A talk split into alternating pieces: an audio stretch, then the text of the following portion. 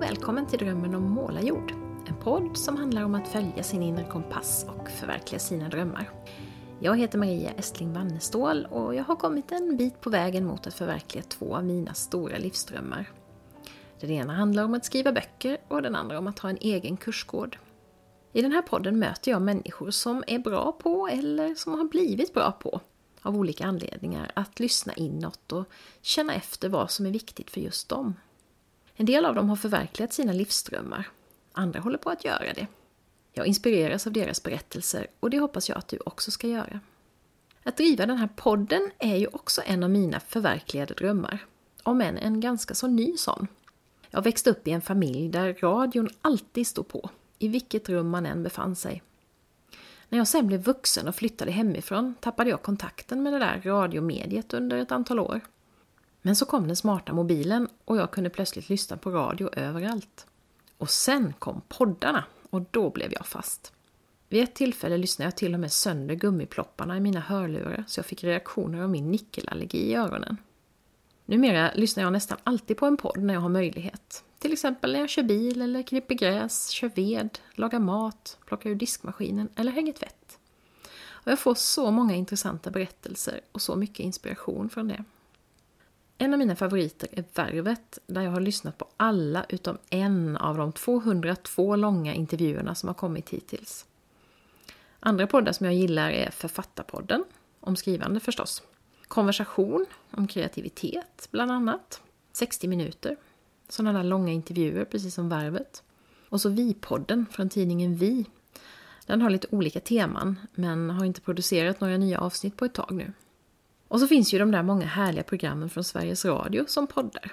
Till exempel Helena von Zweibergs filosoferande och samtal kring olika begrepp i Oförnuft och känsla. Och så Kropp och själ. De hade ju för ett tag sedan ett avsnitt om livsdrömmar som jag pratade i den här poddens första avsnitt och som jag kommer att återkomma till igen. Men hur kom det sig då att jag kom på den här idén att själv börja spela in podcasts? Jo, egentligen var det min parhäst Sara som började alltihop. Hon hade spelat in några egna program, bland annat ett jättefint sommarprogram som jag grät till när jag satt hormonstinn och ammade mitt andra barn. Sara kom på att vi borde dra igång en Studio Livstid. Livstid är ju vår gemensamma verksamhet. Och vi spelade in två testavsnitt. Men som så ofta kom det en massa andra saker emellan. Vi orkade inte ta tag i det där med att köpa en ordentlig mikrofon och tiden gick. Hur som helst, för snart ett år sedan så kände jag plötsligt jättestarkt att jag ville komma igång med poddandet igen. Men nu hade Sara och jag hamnat i lite osynk på just det området. Hon hade helt enkelt annat att prioritera. Och där föddes idén att jag skulle starta en egen podd. En sak som jag har jobbat mycket med sedan jag var på väg in i väggen för 15 år sedan, det är att släppa mina krav på perfektion. Jag har insett att om jag ska få saker att hända utan att brinna ut på kuppen som vi pratade om i avsnitt 4 med Lisa Moreus, då måste jag ibland anamma det här begreppet good enough. Så har jag tänkt också kring arbetet med den här podden. Jag är inte expert varken på intervjuteknik eller poddinspelning eller redigering. Men jag gör så gott jag kan och jag lär mig under tiden. Och jag hoppas att du som lyssnar har fördragsamhet med det. Jag tänkte läsa ett litet stycke ur en krönika av poeten och författaren Bob Hansson från tidningen Leva i nummer 6 2010 på temat Good enough och skaparglädje, som jag tycker är så bra. Också den dikt jag tycker är dålig kan glädja någon annan. Om det händer blir jag såklart genast glad och för detta krävs en generositet som överstiger min egen fåfänga. Men herregud, man ska väl inte visa upp det sämsta man gör? Det är väl inte snällt, varken mot en själv eller den andra? Jo, för om man delar med sig av också det sämsta man gör, ja då kan ju någon annan få tanken att herregud, det där kan jag också göra, kanske till och med mycket bättre.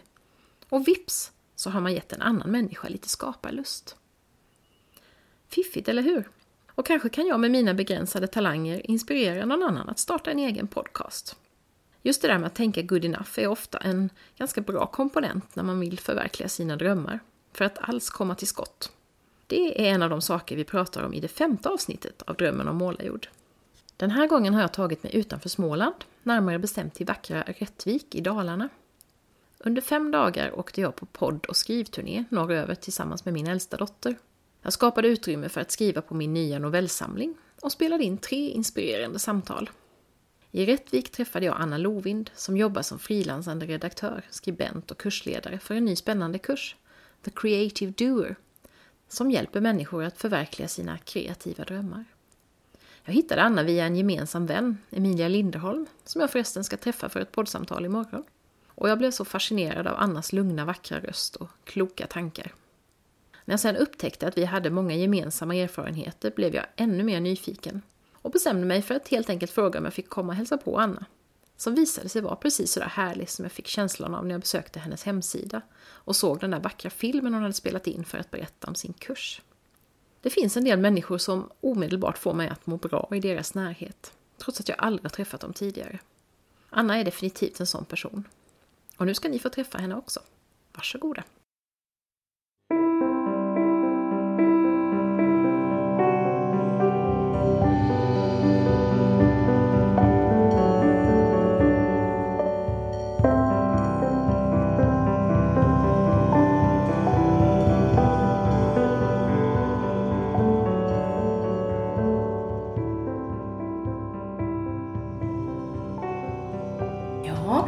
Idag så är jag i Rättvik och eh, hälsar på Anna i hennes vackra hus med utsikt över sjön.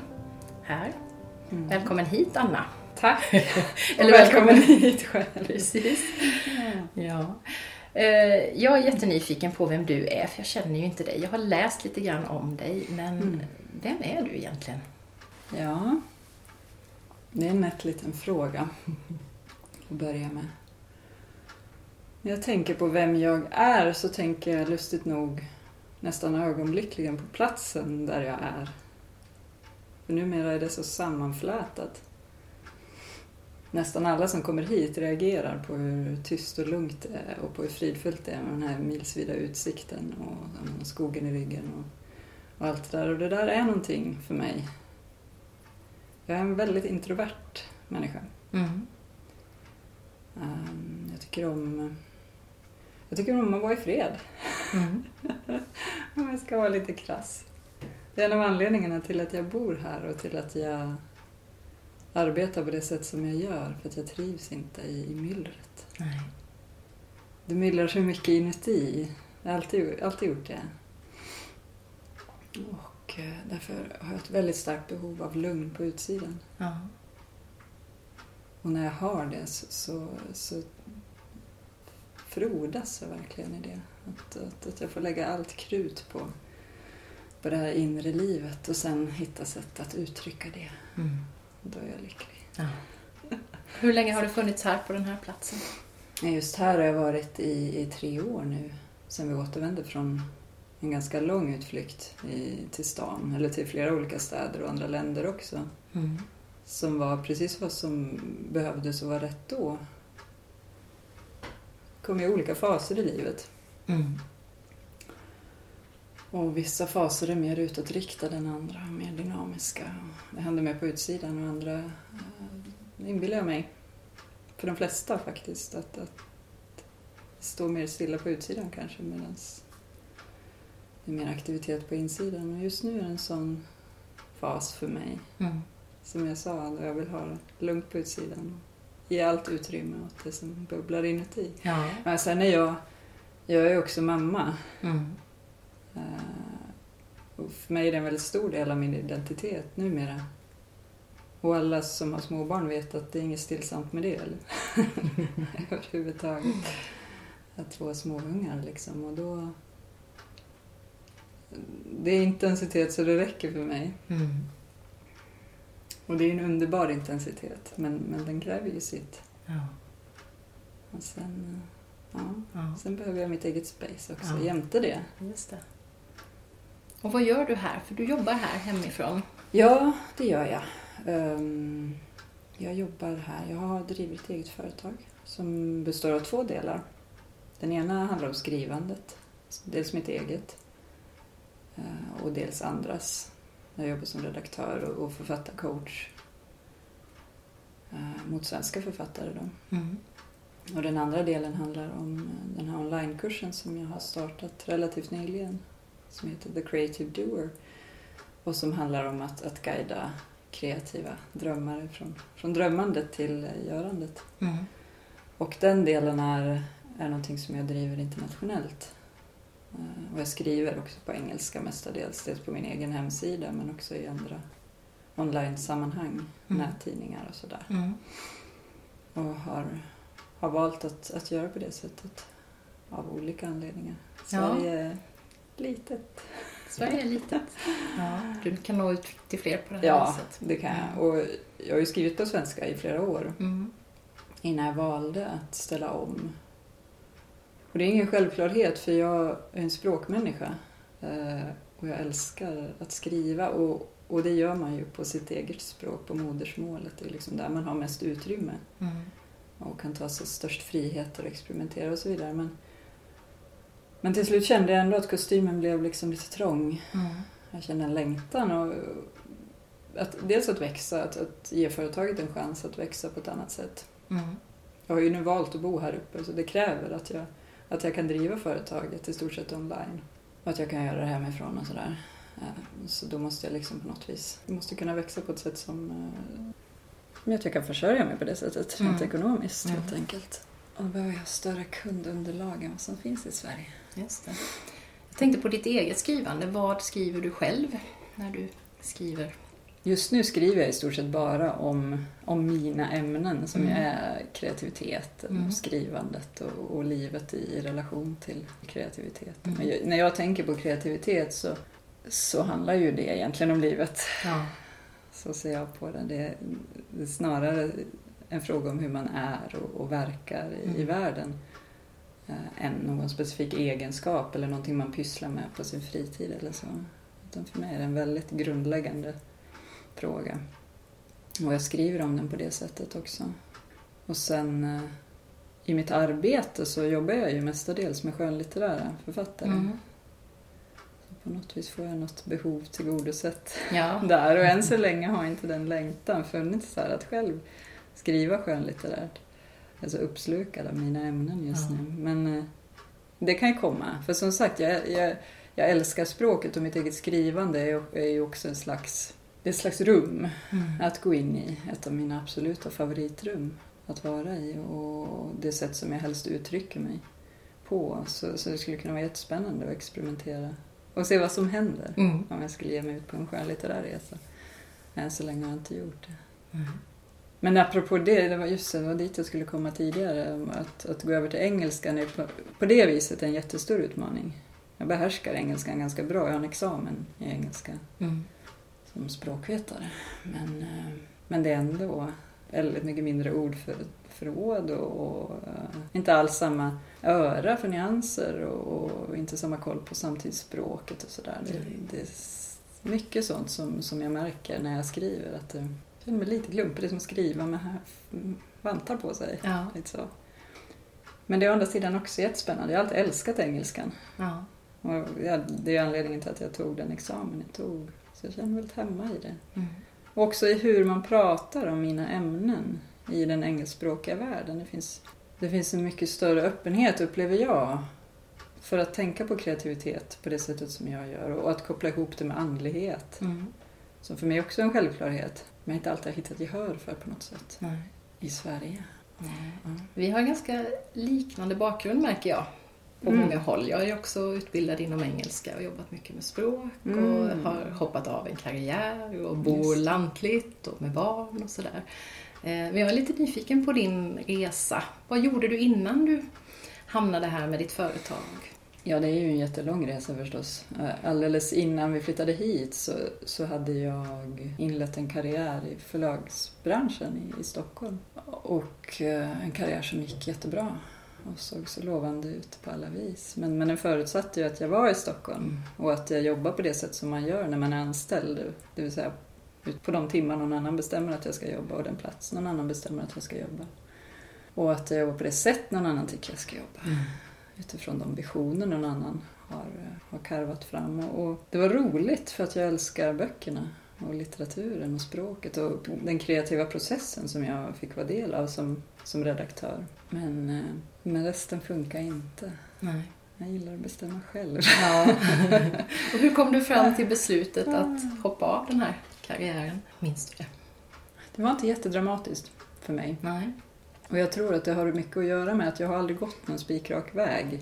Det har aldrig varit särskilt prydligt i mitt liv. Sådär att, att jag har gått gymnasiet, sen eh, högskola och sen hoppat på karriärtåget och så. Utan det har alltid... Det tog lång tid för mig att ens... Jag tog examen när jag var 28. Alltså innan dess hade jag drullat runt på, i världen och, och jobbat med tusen olika saker och rest jättemycket. Och, och har liksom aldrig kört in på ett spår som sen har varit svårt att, att ta sig av. Nej. Och den här sessionen i förlagsbranschen, den var ändå relativt kortvarig, ett par Mm. år. Och den var liksom undantaget i mitt liv. Mm. Det var någonting jag testade på, att göra Mm. det på det vanliga sättet som alla andra. Ja. För att det var spännande. Jag blev ju jag blev ju erbjuden tjänsten. Jag hade nog aldrig sökt det annars. Eh, Jag hade redan startat företag innan dess för att, för att börja och för Ja. att komma in någonstans och sådär. Men, eh, men jag testade och det var jätteroligt och, och lärorikt men, men jag kände ganska snabbt att det, det kan aldrig bli långvarigt det här. Nej. Jag måste tillbaka till mitt huvudspår. Och, och jag var inte ens 100% klar över vad det var när jag sa upp mig. Och det var någonting som, som människor hade väldigt svårt att relatera till just då. Det var ju jättemånga som frågade, men Mm. Håller på Ja.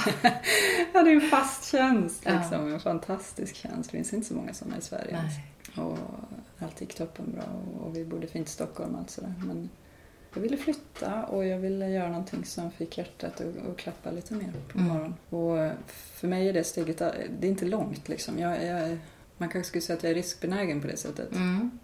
Jag Det var utan- inte hopp, hoppa från klippkanten utan mer från trottoar. Ja. Ja, för mig är det så. Ja. Även om jag hade ingen... Det fanns liksom inga säkerheter på andra sidan. Men det var det andra. Jag har aldrig vant mig vid att ha det. Nej. Och min man var villig att, ta det klivet tillsammans med mig. Mm. Och han var medveten om att det kan gå Ja. lite hur som helst.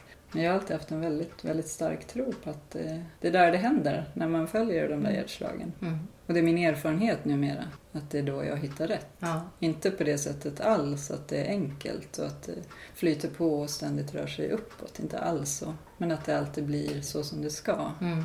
Och att de utmaningar jag möter är jag kapabel Mm. att möta Mm. på ändra sättet. Att jag hela tiden liksom cirklar närmare någonting som är kärnan i det hela för mig. Mm. Kärnan i hela livet egentligen. Mm. Den här känslan av utrymme och frihet och uttryck som jag vill åt. Är det friheten som är det viktigaste? Skillnaden mellan hur det var när du var anställd? Ja, det är det nog. Jag har så svårt att rätta mig alltså. Mm. Jag har, och jag har så litet behov också av, av det här vardagliga umgänget. Mm. Jag är i väldigt hög grad en ensam varg. Och, och människor frågar ju ofta just det att men är det inte ensamt att sitta där uppe på berget liksom och skriva? Och, och jag har ju mycket kontakt med människor men det mesta är ju online Ja. eller via telefon. Men det är aldrig det. Nej. Aldrig någonsin. Jag har, jag har nästan inget behov överhuvudtaget av den sortens... Var, alltså det här, ja men i fikarummet och allt det där. Jag gick ju inte dit ändå liksom. Så, så det, fanns liksom, det, det fyllde inget riktigt behov. Det fyllde ingen funktion. Nej. Ah, Nej, för det tycker jag är det jag har mötts av mycket också när jag sa upp mig. Att blir det inte jätteensamt? Mm. För jag bor ju också sådär utanför, Mm. ute på landet. Och saknar du inte kollegorna? Nej, jag skapar de kollegor jag vill ha. Brukar jag, Ja. säga. De, jag hittar ju de människorna som vill liknande saker som jag vill Precis. och de Det- blir mina nya kollegor. Det är ju inte ensamt längs vägen Nej. på det sättet. Det är bara det att man inte har det där, den där gruppen den, som man rent fysiskt tillhör och möter varje dag. Precis. Men det har jag aldrig behövt. Nej. Och det, man är ju jätteolika på det sättet. En del hämtar jättemycket näring i den där sortens daglig interaktion med andra. Men jag gör inte det. Nej. Jag hämtar näring ur ensamheten. Mm. Och sen därifrån kan jag möta andra. Så för mig är det perfekt. Ja. Jobbar du så mycket som du skulle vilja eller för lite eller för mycket? Eller vad tycker du? Nu när du sätter dina egna ramar. Ja. Länge har det varit för mycket. Mm. För jag har alltid varit högpresterande och perfektionistiskt lagd. Aldrig direkt varit angelägen om att leva upp till någon slags eh, vanlig idé om, om vad framgång eller status är. Inte så, men däremot har jag väl haft väldigt höga krav på, på att leverera Mm. bästa möjliga, alltid. Snabbast möjligt också, Mm. gärna helst. Och det där har kostat på genom åren. Och egentligen först sen, de senaste åren tycker jag som jag har kommit underfund med det verkligen. Att vad, vad är detta som driver mig på det här sättet och, och vad får det för konsekvenser för mig? Hälsomässigt, känslomässigt, andligt. Mm. Och kreativt inte minst. Mm. Det där sättet att pressa och driva och liksom producera arbete. Det, det är någonstans själva motsatsen till, till kreativiteten, Mm. till, till det kreativa arbetet, det verkliga kreativa arbetet som inte har någonting med press att göra överhuvudtaget. Disciplin, absolut, Mm. och, och struktur och ja, vanor, Mm. rutiner. Absolut, men inte, inte press. Nej. Inte den där strävan och stretandet. Och egentligen var det inte förrän jag, jag har haft problem med ryggen i många år och har aldrig riktigt brytt mig om det. Nej. Men de senaste åren har det blivit sämre och det har visat sig att det är någon reumatisk sjukdom som, som blir värre och kommer i sko och ena med det andra. Och det har liksom tvingat mig helt enkelt. Mm. Väldigt motvilligt att, att sakta in och komma underfund med hur jag kan arbeta på ett sätt som, som rymmer hela mig. Ja. Som inte förutsätter att jag gör våld på mig och, och, och avsäger mig allt det här som jag behöver för att må bra. Mm. Till förmån för att prestera. Utan nu, det jag gör nu är det är någon slags pågående experiment att hitta en väg som inkluderar allt, som, är, som rymmer liksom hela livet och, och där arbetet och, och det kreativa uttrycket är en del av det. Mm. Som sitter ihop med de andra delarna och som inte går att plocka isär utan att någon av delarna blir lidande. Nej. Eh, Och det där tycker jag är superspännande. Ja. Och det är också själva det är den processen som ledde fram till den här kursen ja, som jag, som jag skapat det. det här året. vill du berätta lite mer om den? Jag tycker den låter jättespännande. Ja, absolut. Ja, det är en kurs som är nästan helt och hållet onlinebaserad. Eh, Förutom att, att vi, är, vi möts varannan vecka för ett eh, telefonsamtal, gruppsamtal och vi reder ut sånt som kan vara lättare att reda ut när man kan prata med varandra direkt. Och så. Mm. Men i övrigt så, så ligger det sex lektioner på, i ett online-klassrum. Och när man loggar in en- som deltagare så har man tillgång till allt material på en gång och man gör det helt och hållet i sin egen takt. Och poängen med det är dels att allas livssituationer är ju olika Mm. Och det är svårt att hitta ett tempo som passar alla. Det är alltid någon som kommer efter och så är man inne i den stressen eller så är det någon som är hungrig och Mm. vill mer snabbare. Och sen beror det också på vad man har för projekt när man går in i, i kursen. För, för mycket av tanken med den är att okej, men den här saken som du drömmer om och har pratat om och längtat efter så länge, nu tar vi och gör det lite konkret här. Och så kommer vi fram till vad som är första steget och sen nästa och sen nästa och så gör vi det Mm. istället för att bara prata. Och se till att det finns tillräckligt mycket stöd runt omkring för att, för att det ska hålla hela Mm. vägen. Att det inte bara blir en tjurrusning i tre veckor och så sen kapsejsar man och så ger man upp och sådär som det ser väldigt lätt blir. Mm. Sen kan det ju vara att en person vill skriva en bok och det kan ju vara ett halvår eller ett års projekt medan en annan person kanske vill starta en hemsida Mm. och det gör man på en månad eller några veckor. Så av den anledningen så har jag velat göra det väldigt, ge väldigt mycket ansvar på det sättet till kursdeltagarna. Att, att du bestämmer själv din takt. Mm. Och jag finns här hela tiden för att backa och stötta och guida längs vägen. Mm. Och så stöttar de varandra också då Ja. i, i gruppen. Mm. Åh, jag önskar att kunna läsa på det här Ja. forumet för det är helt fantastiskt. Ja. Jag, jag blir rörd till tårar alltså. Dagligen. jag sitter här och bara och läsa vad de, vad de, hur ärliga de är, hur modiga de är, Ja. vad de ger sig in på, allt de upptäcker längs vägen. Det är helt fantastiskt. Ja. Jag kan bli så rörd. Du nämnde ju eh, skriva bok, göra hemsida. Vad är det för andra typer av projekt som de här deltagarna... Ja, det är flera skrivande människor med just nu. Och så är det några som vill utveckla sitt målande. Mm. Ehm, Det är någon fotograf. Det är en yogainstruktör som vill Mm. hitta ett sätt att forma sitt företag på ett Jaha. sätt som, som stämmer överens med, med hennes innersta drömmar och som liksom stöttar henne i sitt liv istället för att leda till utbrändhet Ja. och sådär. Och det är ytterligare ett par entreprenörer som, som... Det ämnet i sig kanske inte låter som att det har med kreativiteten att göra men, men det handlar snarare om utförandet. Mm. Att hur kan jag göra det här så att det blir från mitt hjärta här företaget. Så att det inte liksom blir två separata saker. Att här är jag med, med allt jag står för och allt jag tycker är viktigt i livet. Och sen här är företaget och det gör man på det sättet som man brukar göra företag. Mm. utifrån andra regler och värderingar utan att man får ihop de där två delarna så att, så att det blir integritet. Så att de inre och yttre värderingarna är synkade. Ja.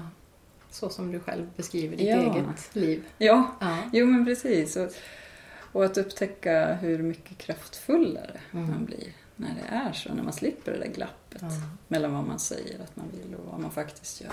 Och all den energi och, och styrka som man får tillgång till. Mm. Det är en väldigt spännande process. Ja.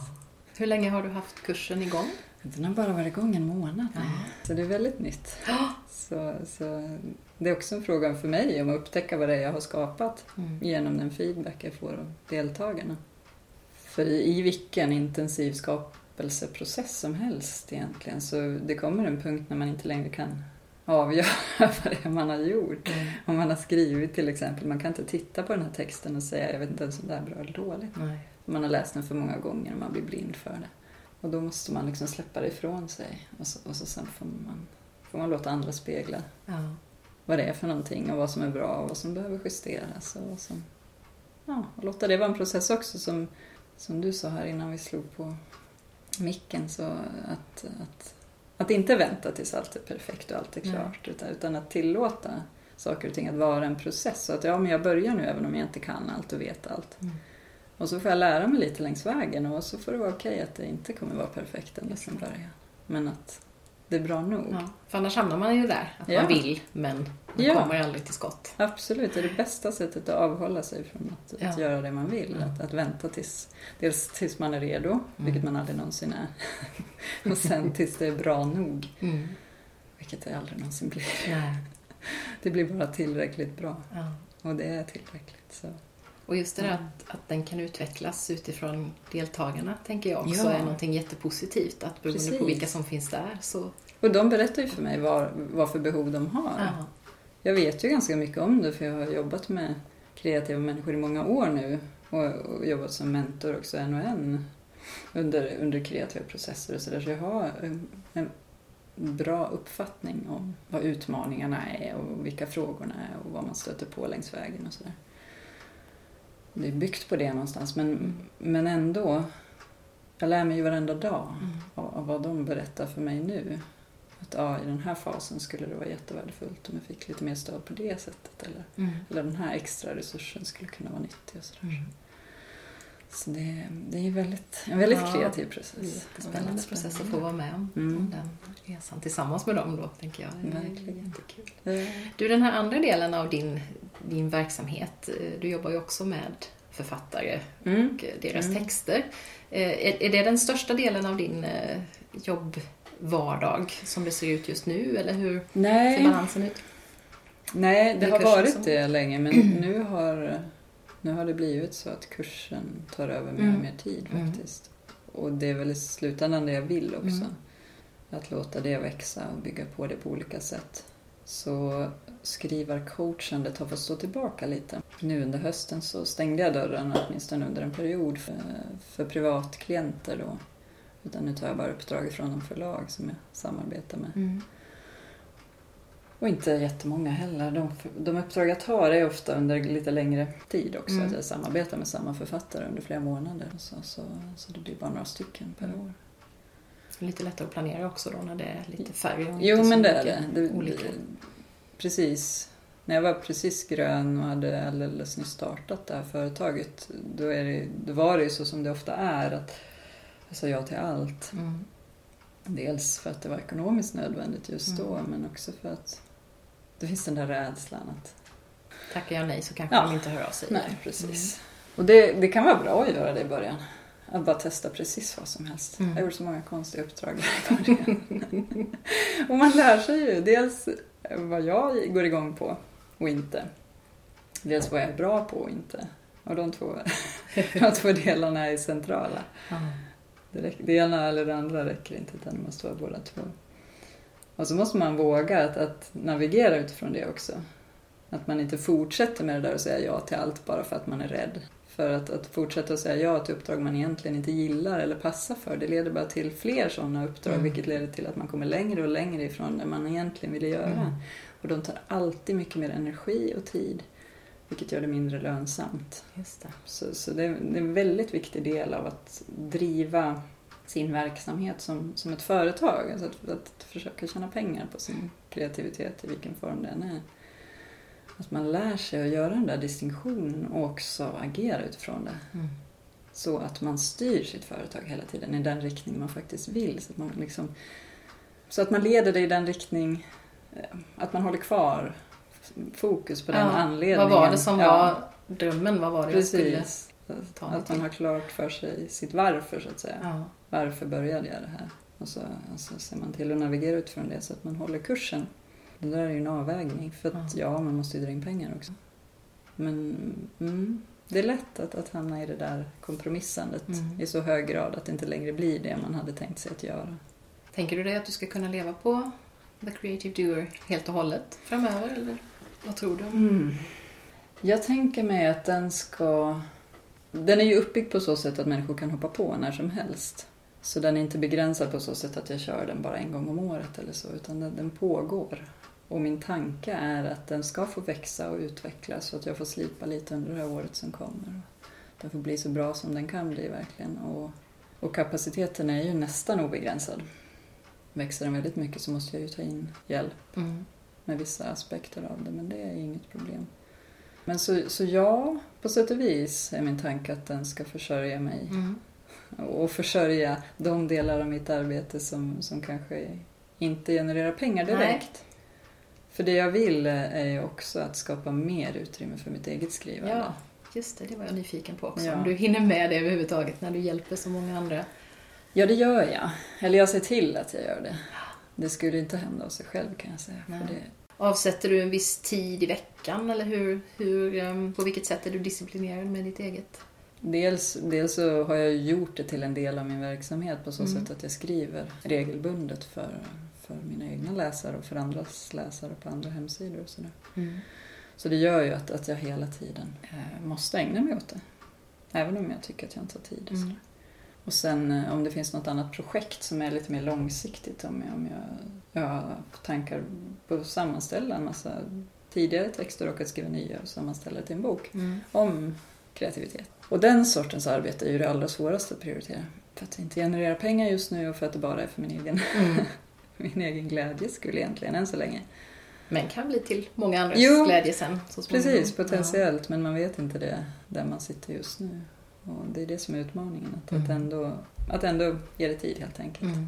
Och ja, det är ju en fråga om att avsätta tid på samma sätt som man avsätter tid för att deklarera Mm. eller, eller momsredovisa eller allt det där andra som också hör ihop med företaget. Och som av någon anledning för många känns som nödvändigt medan det andra då kanske inte upplevs så. Ja, ja. I regel blir det ju så att- att, man gör de där sakerna först. Mm. De kommer alltid eh, längst upp på, på listan och så sen kommer det där egna skrivandet längst ner och det har en tendens. Även om man inte skriver det så står det liksom ändå inom parentes om jag får tid. Det får man ofta inte. Nej. Men eh, det är en av de viktigaste grejerna jag har gjort i mitt yrkesliv någonsin. Är att jag vänder på den där listan. Mm. Alltid, alltid, alltid börjar med det arbetet som är viktigast. Och det som är viktigast är inte alltid det som är mest brådskande. Nej. Jätteviktigt att skilja på de två grejerna. Att om, om mitt skrivande är det, är det själva hjärtat i mitt företag och anledningen till att jag ens driver företag. eh, Och det är liksom hjärtat i mitt liv, ärligt talat. Mm. Då, då är det det som ska komma högst upp på listan. Då är det det som jag sätter mig ner och gör först. Ja. Och sen resten. Jag menar, grejen är att en deadline möter man. Och de där viktiga samtalen, de ringer man. Man ser Mm. till att det blir gjort på samma sätt som man ser till att man städar huset även om man inte tycker att man har direkt tid eller lust med det. Men man gör det för att det behöver göras. Och så är det också med de här tusen småsysslorna. De blir gjorda. Mm. Det som inte blir gjort är ju det här stora, lite läskiga, svåra Mm. som är att sätta sig ner med sin dröm och se vad man kan göra av den. Där behöver man inte bara fightas med tidsbrist utan också med, med det här egna motståndet och Mm. rädslan för vad, vad det ska leda till och om man inte klarar det och om det blir dåligt, om det blir pinsamt och så Mm. vidare. Så, så att ta sig an det är det första man gör på morgonen Ja. när man kanske också är som starkast. Innan man liksom har gått in i stress eller, eller tvivel eller sådär. Utan man sätter sig ner och, och låter det vara det viktigaste av allt. Ja. Och sen, jag menar, får man vara realistisk. Man kanske inte kan sitta där i tre timmar, men, men 30 minuter är också en... Mm. Man hinner jättemycket Ja. på den tiden om det är koncentrerat arbete. Ja, visst. Att Och jag gör ju så här att jag åker iväg nu en vecka och bara fokusera på just Ja. de där sakerna. Skriva och Precis. intervjua spännande människor. Det är ingenting som ger pengar något av det, men det är så viktigt för det är en del av min dröm och då, Ja, då måste det få ta tid ibland. ja. Och, och, man vet ju heller aldrig vad det kommer leda till. Nej. Alltså, när man påbörjar någonting så, så är det ju ingen som vet. Man kan ha prognoser men det är ingen som vet vad av alla de här sakerna man gör som i slutändan kommer generera pengar eller framgång eller vad det nu är man, man eh, hoppas på. Det enda man har att navigera utifrån är ju känslan av Mm. att det här är väldigt viktigt. Mm. Det här är vad jag verkligen vill göra. Ja. Och det, det är liksom vår kompass. Ja. Allt det andra är bara spekulation. Så att, att verkligen tillåta sig att våga navigera utifrån det, det, det gör hela skillnaden. Så det är kanske det viktigaste rådet då till någon som känner att de skulle vilja men inte riktigt, att sätta upp det där högst upp på listan på dagen. Ja, Det skulle kunna vara ett sånt konkret råd. absolut. Och det andra är ju, för den absolut vanligaste anledningen som människor anger till att de inte förverkligar drömmar är att de inte har tid. Mm. Och jag är alltid väldigt sugen på att rota djupare i det där. Exakt vad är det för tid du har och vad använder du den till? Mm. Och när man sätter sig ner och tittar på en persons dag, stund för stund, då finns det ganska mycket tid där. Bara det att den går till allt möjligt som, som inte är medvetet valt och som man kanske egentligen inte prioriterar särskilt högt. Vad det än är, sociala medier, prata i telefon, titta på TV. Allt, det det är inget fel i något av det. Men, men om man låter det komma i vägen för det här som man säger och upplever är viktigast av allt, Mm. då, då har man gjort ett dåligt val Ja. helt enkelt. Och behöver välja om och se vad som händer då. Man kan få loss de där 30 minuterna. Även om det bara är två gånger i veckan. Men Mm. det räcker det. Man behöver inte de här oceanerna av tid. Det är en väldigt stor skillnad på att ha så mycket tid man vill och att ha så mycket tid man behöver. Och man behöver inte särskilt mycket tid för att börja påbörja den här resan mot att förverkliga en dröm. Mm. Mycket mindre än, än man tror. Bara att man måste avsätta den för Mm. just det. Ta de små, små stegen. Ja, Använda visst. de små stunderna. Det tycker jag blev så tydligt när sen jag, jag fick barn väldigt tidigt. Jag lärde mig väldigt Mm. tidigt det här att kunna utnyttja små stunder till att göra Mm, viktiga saker. precis. Just att det behöver inte, jag behöver inte en hel dag för att skriva Nej. på min roman. Jag kan utnyttja den här lilla kvarten som råkar bli Mm, över. mm. Ja, men det är ett litet steg. Precis. Det Barn är ju effektiva, Ja, effektiva lärare på det sättet. just för att man får de där tidsramarna. Jag har inte Ja, obegränsat med tid på mig. Precis, så Utan, fort de har dykt upp så är ju de där så har man ju inte tid över längre Nej. helt enkelt. Det finns ju inte. Det är väldigt tydligt att antingen väljer jag eller så Ja. händer det inte. Nej. Har du några drömmar om framtiden nu då? Du har ju förverkligat så mycket, tänker jag. Men, ehm, Ja. ja, det ena är ju som jag sa att skriva mer. mm, Och också mer utrymme för att skriva bara för lustens skull och för experimenterandet. Så vad som händer om jag Ja. skriver. skönlitterärt till exempel? Eller är det Ja, kanske. typ av- Vad Mm. händer om jag skriver poesi? Eller vad Ja. händer om... Ja, men du vet. Att Mm. bara... Utan att ha någon vettig anledning till det. Mm. Men bara för lusten och för, för glädjen över språket. Och uttrycket bara. Överhuvudtaget så tycker jag det är så spännande att testa olika uttryck och, och måla. Även om inte jag kan, så att säga, måla. Eller lära mig spela piano eller någonting. För det är också så att alla de här uttrycken korsbefruktar varandra. Mm, Vad, vad än man hämtar den där kreativa näringen ifrån så, så läcker den in liksom, Mm. i allt det andra man gör också. Och, ger Mm. fler nyanser och mer djup. Ja. Jag tycker jag har märkt att när jag började, jag hoppade av en akademisk karriär då Mm. eh, för tre år sedan. Och när jag började, jag brukar prata om den kreativa kranen, att när man börjar skruva på den Mm, mm. så liksom Oj, vad det händer, vad det lossnar och man kommer på massa saker just för att man har vågat börja Precis. öppna åt något håll och då dyker det upp massvis med idéer. Så jag tycker Ja. det, den största utmaningen för mig det är att ha tålamod med att jag kan inte förverkliga alla de här på en gång. Nej, Men det tycker jag att jag har blivit ganska bra på att skriva upp allting och Mm. ha det i min lilla burk men inte Mm. känna att jag måste göra allting precis just nu utan gotta mig lite i det där att Mm. ha kvar de där drömmarna och gå och Mm. klura på ibland. Det här är ju en del av det där, att göra den här podden. Det är ju Ja, också att, att på något sätt ge lite näring men inte känna att allt måste ske precis bums. Det här är en, en dröm som jag förverkligar nu men sen ligger det flera och puttrar och det är spännande. Ja, och det är ju det är också en del av det här med att välja och välja bort. Mm. Att inte ta på sig för mycket. Att under, utifrån de omständigheter man har, att, att zooma in på någonting som är görbart helt enkelt. Mm. Ja, jag kan inte göra de här tio sakerna just nu, men en av dem kan jag göra. Mm. Och att, som du säger, att när man öppnar den dörren eller vrider på den kranen, då, bara, då, Ja. då fortsätter det komma. Det är som att ju mer man öppnar det, desto Ja. mer kommer. Det finns liksom inget sätt att, att göra slut på sin kreativa Nej. energi. Att ta steget att öppna är mycket, har mycket mer drastiska konsekvenser än man kanske Ja. tänker sig. Ja, och andra konsekvenser kanske Mm, än man, än man tänkte sig. Att, Och på andra områden i ens liv. Ja. Så att det liksom spiller över åt alla håll. Ja. Jätte, jättekul att få prata med dig, Anna. Ja. Jag blir så inspirerad av att eh, lyssna på dig också. Tack så Ja. hemskt mycket för att jag fick komma hit till ditt mysiga, fina hem. Nu sänker sig skymningen här över... Är det Siljan? Ja, det är? Siljan Det är det. Ja. Mm. Eh, Så lycka till med kursen och Ja. med ditt skrivande. Och så får vi se vad det blir för kreativa dörrar som öppnar sig för dig framöver. Precis. Mm. Tack snälla, det var jättespännande att prata med dig.